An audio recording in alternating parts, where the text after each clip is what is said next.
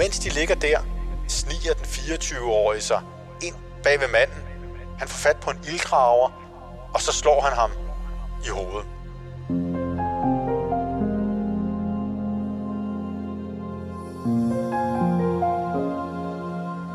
Et grufuldt mor i Læderstræde. Sådan lød overskriften på forsiden af avisen Nationaltidene i marts 1949. Forud havde der fundet en voldsom forbrydelse sted i en af hovedstadens ældste og fredede bygninger, bare et stenkast fra Storkespringvandet på strøget. Hemmelige herrebesøg midt om natten og spekulationer om rovmor, blandet med mulige seksuelle motiver.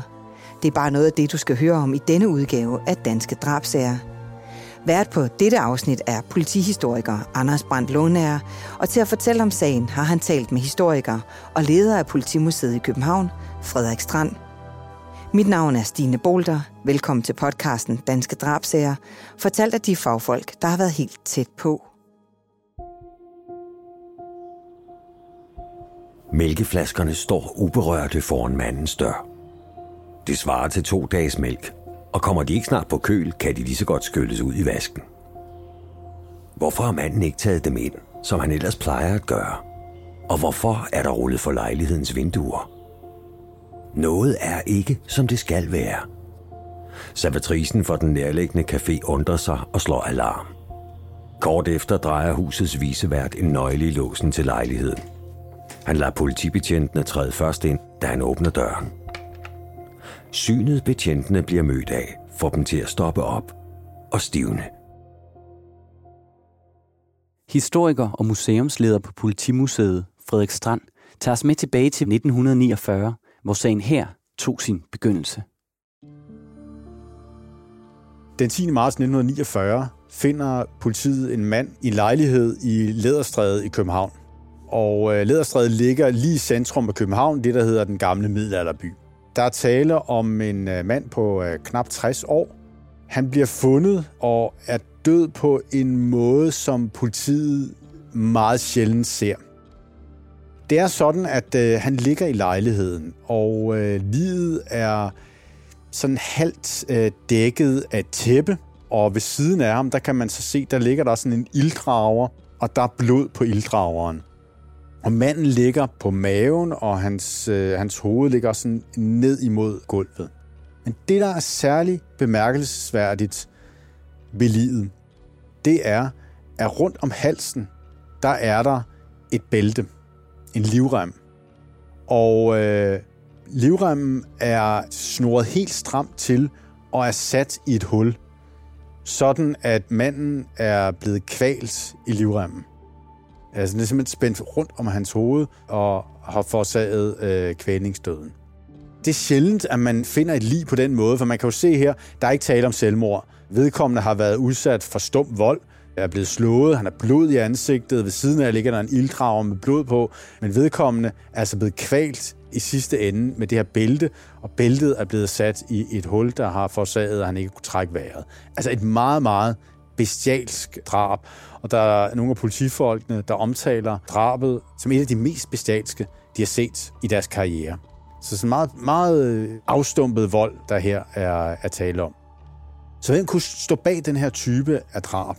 Det, det der ligesom bliver spørgsmålet, og som øh, politiet forsøger at øh, dykke ned i. Og det gør de i første omgang ved at afhøre øh, mandens forskellige naboer og bekendte. Det stod ret hurtigt klart for politiet, at den afdøde ikke havde særlig mange venner eller bekendte. Han havde til syneladende levet en forholdsvis ensom tilværelse.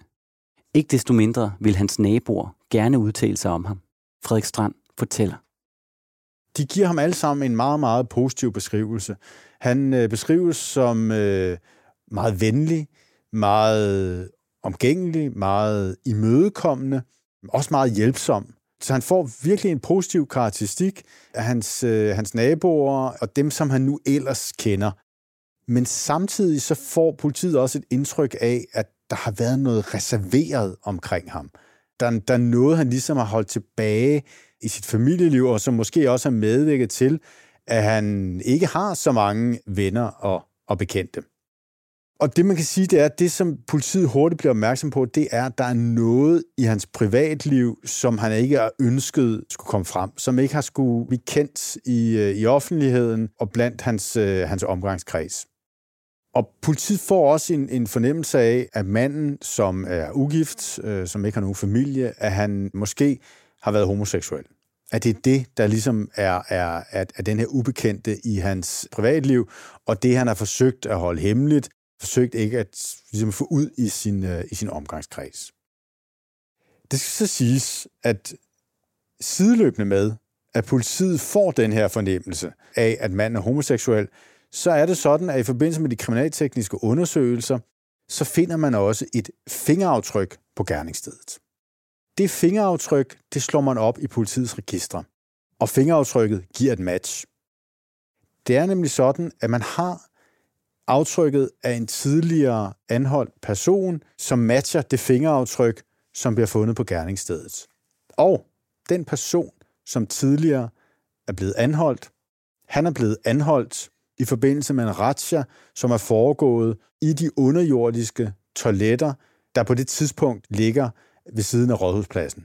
Og da man finder ud af, at den unge mand har været arresteret i forbindelse med en razzia på de underjordiske toiletter under Rådhuspladsen, så står det også klart, at den unge mand på en eller anden måde har været involveret i en form for øh, homoseksuel prostitution.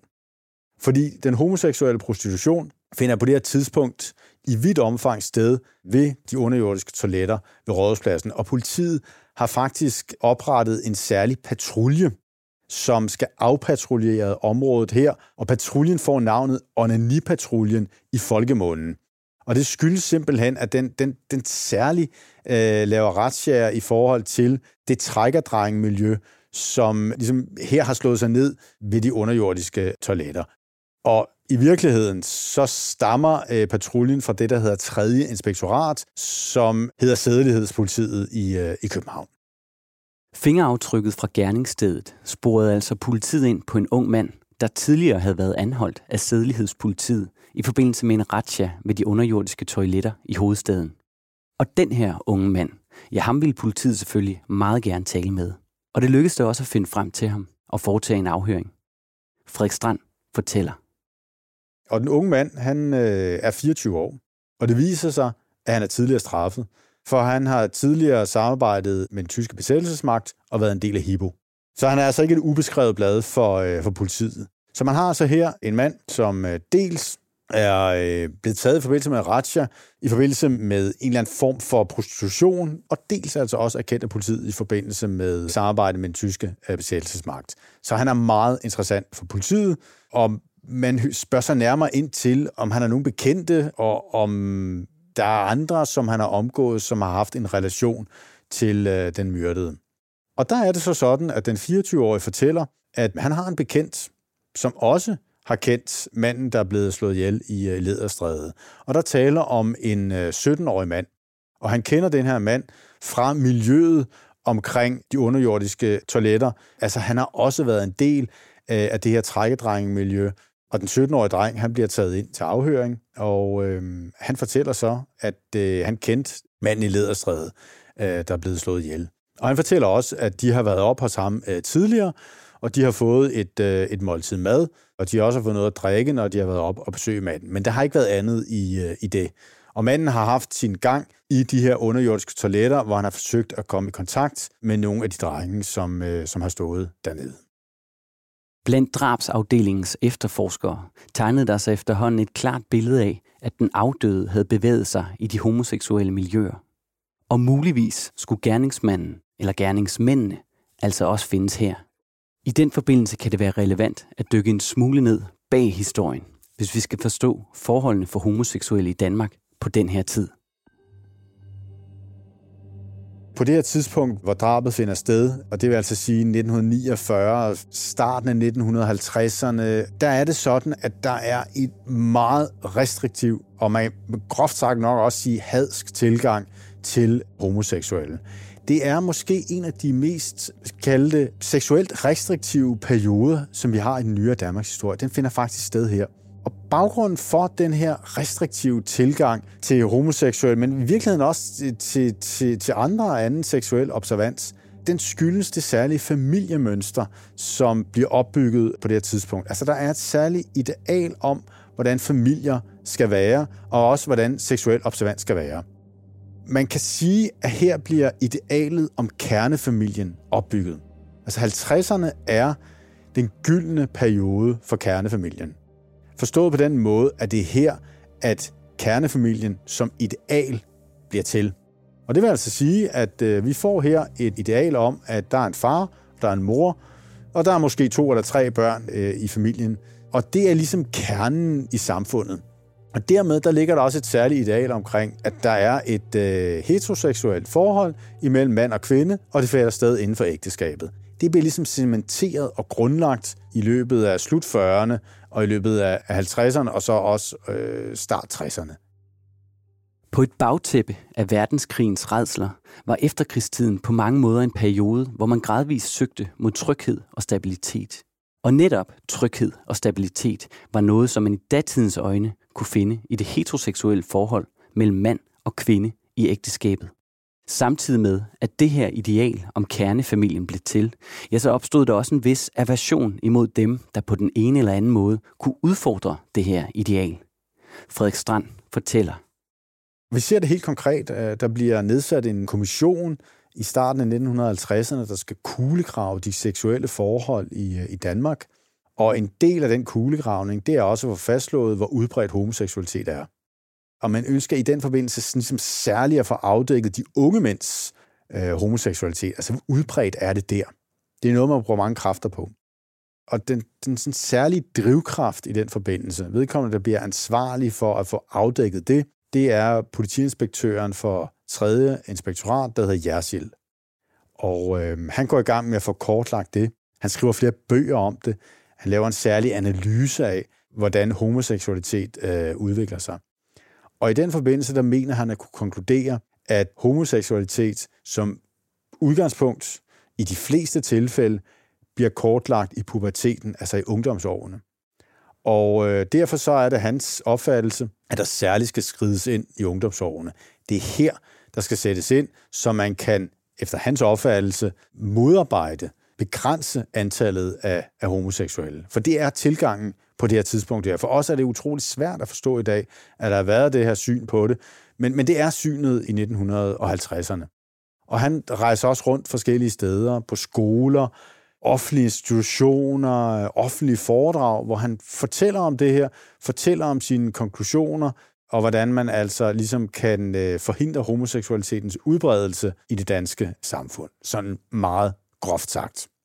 Og det er klart, at på baggrund af hele den tilgang til øh, homoseksualitet, så opstår der en hadsk og negativ stemning i samfundet i, øh, i forhold til øh, homoseksualitet. Og derfor så ser vi også op igennem 1950'erne flere hate crimes, som vi vil kalde det i dag. Altså, der er tale om øh, overfald på homoseksuelle. Ja, i flere tilfælde er der også tale om drab. Vi ser flere øh, meget voldsomme drab i 50'erne på homoseksuelle. Og øh, det er sådan særligt homoseksuelle, der bliver lokket hen forskellige steder. Det kan være, at de tager nogen med hjem i deres lejlighed og bliver slået ihjel. Det kan også være, at de bliver opsøgt på gadeplan og der slået ned af bander af unge. Altså, der er mange forskellige eksempler på meget brutale øh, forbrydelser, som, øh, som bliver begået. Og i forlængelse heraf, der er det også sådan, at når de her forbrydelser bliver begået, så skyldes det ikke kun, at der er den her hadske stemning. Det er også forsaget af, at de homoseksuelle på mange måder opfatter sig som retsløse. Altså de er simpelthen bange for at henvende sig til politiet med de forskellige øh, voldsforbrydelser, der er begået imod dem, fordi de er bange for den opmærksomhed, der vil blive øh, kastet på dem.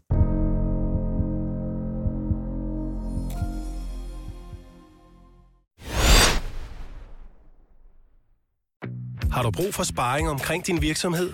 Spørgsmål om skat og moms, eller alt det andet, du bøvler med? Hos Ase Selvstændig får du alt den hjælp, du behøver, for kun 99 kroner om måneden. Ring til 70 13 70 15 allerede i dag. Ase gør livet som selvstændig lidt lettere.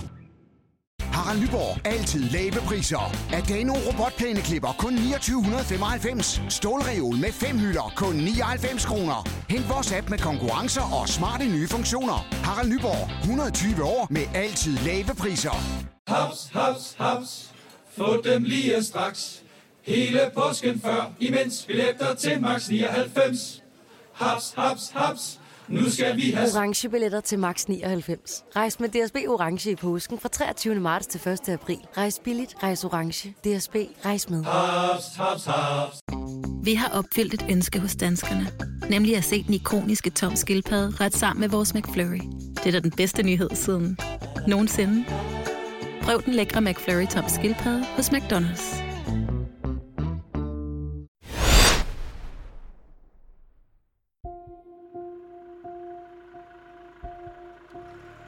Rustvognen med liget er kørt til Retsmedicinsk Institut, og imens ser efterforskerne sig om i den lavloftede lejlighed i Lederstræde i hjertet af København. Lejligheden er spartansk indrettet. I stuen ud mod gaden står en divan og et klaver. Ellers er der stort set tomt. En meter høj bunke nodepapirer ligger ved siden af klaveret, og efterforskerne bemærker, at et af hæfterne er opslået på en af Beethovens sonater. Imens har det ikke taget retsmedicinerne lang tid at fastslå dødsårsagen. Manden er død som følge af strangulering i forbindelse med stum vold mod kraniet. Afdøde har syv større og flere små lesioner i sit hoved. Efterforskerne ser sig om i lejligheden. Kunne en en meter lang ilddrager må være gerningsvåbnet, som har taget livet af offret. Politiet fik efterhånden en ret god fornemmelse af, at de to unge mænd, som sad i politiets varetægt, formentlig var indblandet i drabet på den ene eller den anden måde. Fra politiets side, der har man en formodning om, at det, der er sket i forbindelse med drabet i øh, Lederstræde, det er en forbrydelse, som er relateret til de to unge mænd, som den myrdede har samlet op og har taget med sig hjem. Og derfor så starter man med at afhøre de to unge mænd i forlængelse heraf. Der sker så det, at den 24-årige, han fortæller, at de har ganske rigtigt været, været hjemme ved manden i, i Lederstræde, som er blevet myrdet. De har også været hjemme ved ham og fået noget at spise, fået noget at drikke, og han fortæller i øvrigt, at når de har været med manden hjemme, så skyldes det, at han, og også den 17-årige, har været i en desperat situation. Altså efter besættelsens ophør, efter han har fået sin straf som en del af HIPO, så han har, det har været umuligt for ham at finde et arbejde. Så han er gået i en totalt desperat situation, og, og, og, og været fuldstændig uden penge, og i virkeligheden også uden mad og drikke, kan man sige næsten. Så han er blevet inviteret hjem til manden her, og der har de altså fået et, øh, et måltid mad. Gået lidt yderligere på klingen, så fortæller han så, at mens de befinder sig ved manden, så sker der det, at den 17-årige på et tidspunkt ligesom er, er, øh, er sammen med, øh, med manden her, og mens det finder sted, så slår han manden ned. Han slår manden ned med, med den her ilddrager, og da han ligger på jorden, så siger han til den 24-årige, altså den 17-årige siger til den 24-årige, at han skal hente en, øh, en livrem, som han har set i et tilstødende rum. Og den 24-årige, han henter så livremmen. Og øh, den 17-årige binder så livremmen om halsen på manden, og øh, sætter den ind i et hul. Og så står de så og venter der i en 4-5 minutters tid, indtil manden afgår ved døden. Den 24-årige leverede en klokkeklar tilståelse under afhøringen. Alligevel var der noget ved forklaringen, der undrede politiets efterforskere. De havde nemlig også afhørt den 17-årige, og de fandt, at det var noget nært usandsynligt, at netop den 17-årige overhovedet skulle have været i stand til at foranstalte drabet. Frederik Strand fortæller.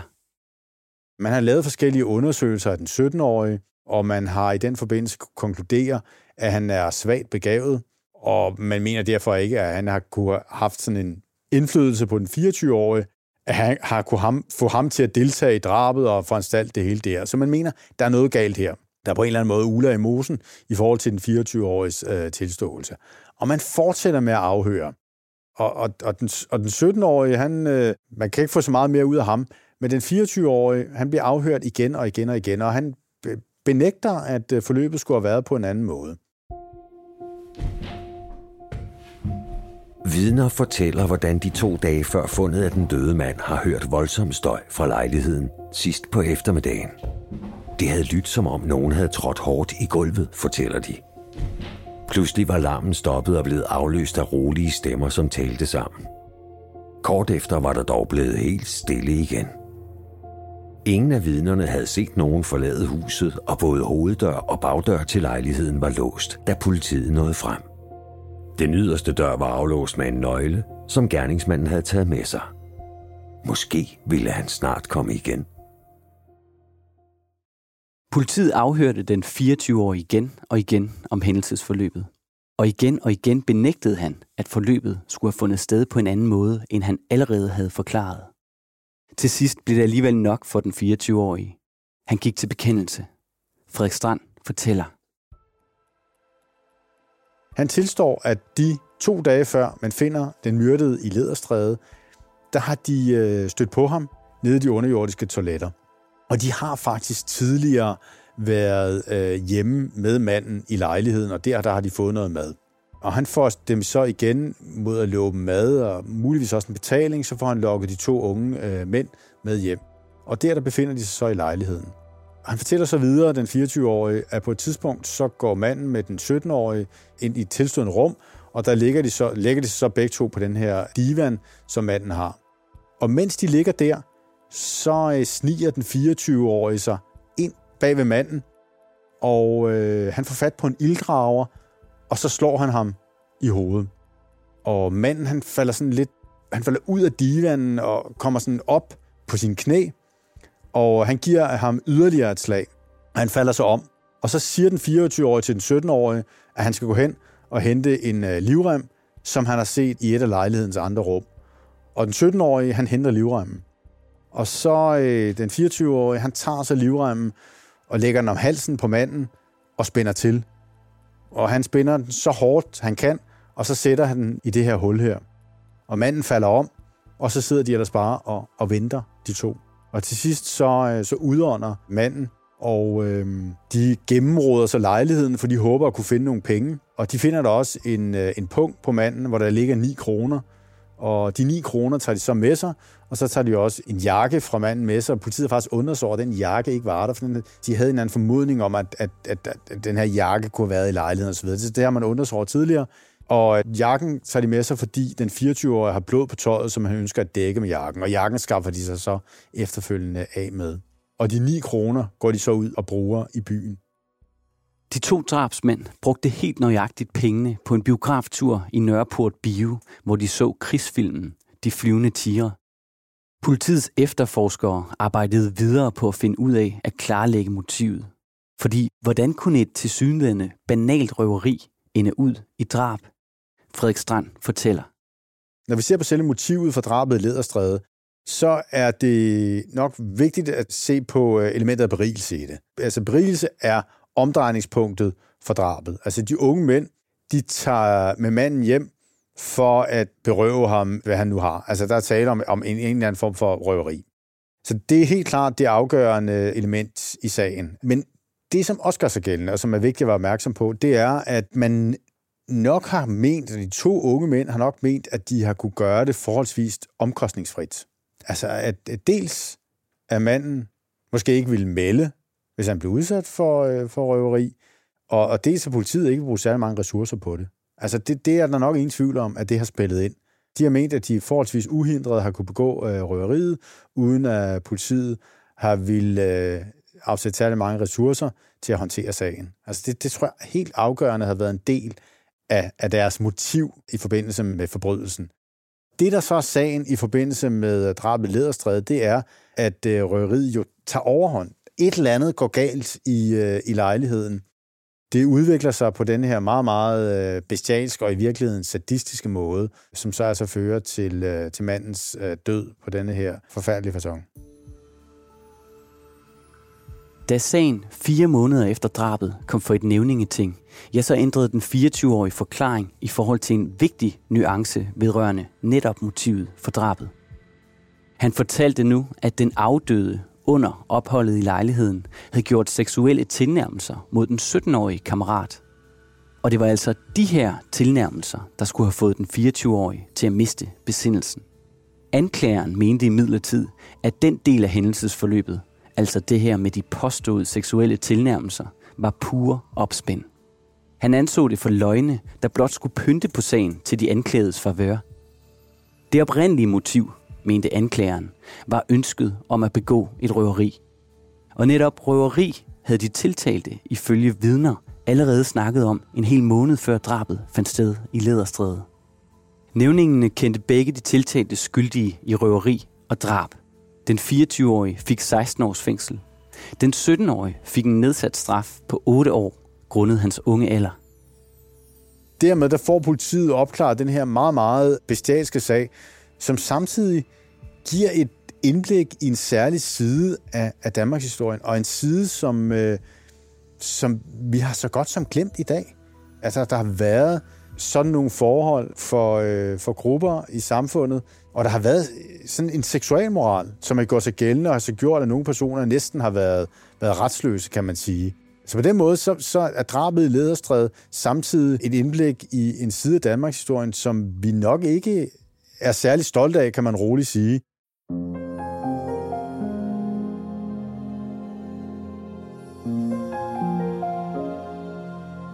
Når vi ser på antallet af begåede hadforbrydelser tilbage i tiden, står det klart, at der er et utroligt mørketal. Kun de mest voldsomme og bestialske sager nåede offentlighedens søgelys. Det er altså stort set kun drab og meget voldelige overfald på homoseksuelle, der blev meldt og fandt vej i retssystemet. På den måde repræsenterede drabet i Læderstræde med al sandsynlighed bare toppen af isbjerget, når det kommer til overgreb på homoseksuelle på det tidspunkt. I øvrigt sås i netop året 1949 en markant stigning i antallet af drab og drabsforsøg. Hele 27 mennesker blev dræbt i hovedstaden alene i 1949. Det var en stigning på 50 procent set i forhold til året før. Tak til forfatter, historiker og leder af Politimuseet, Frederik Strand. Vært på denne episode var historiker Anders Brandt Lundager. Speaks indtalte af Henrik Forsum, musik af potmusik.dk, klippet af Rasmus Svinger og produceret af Bauer Media og True Crime Agency. Mit navn er Stine Bolter. Tak fordi du lyttede med.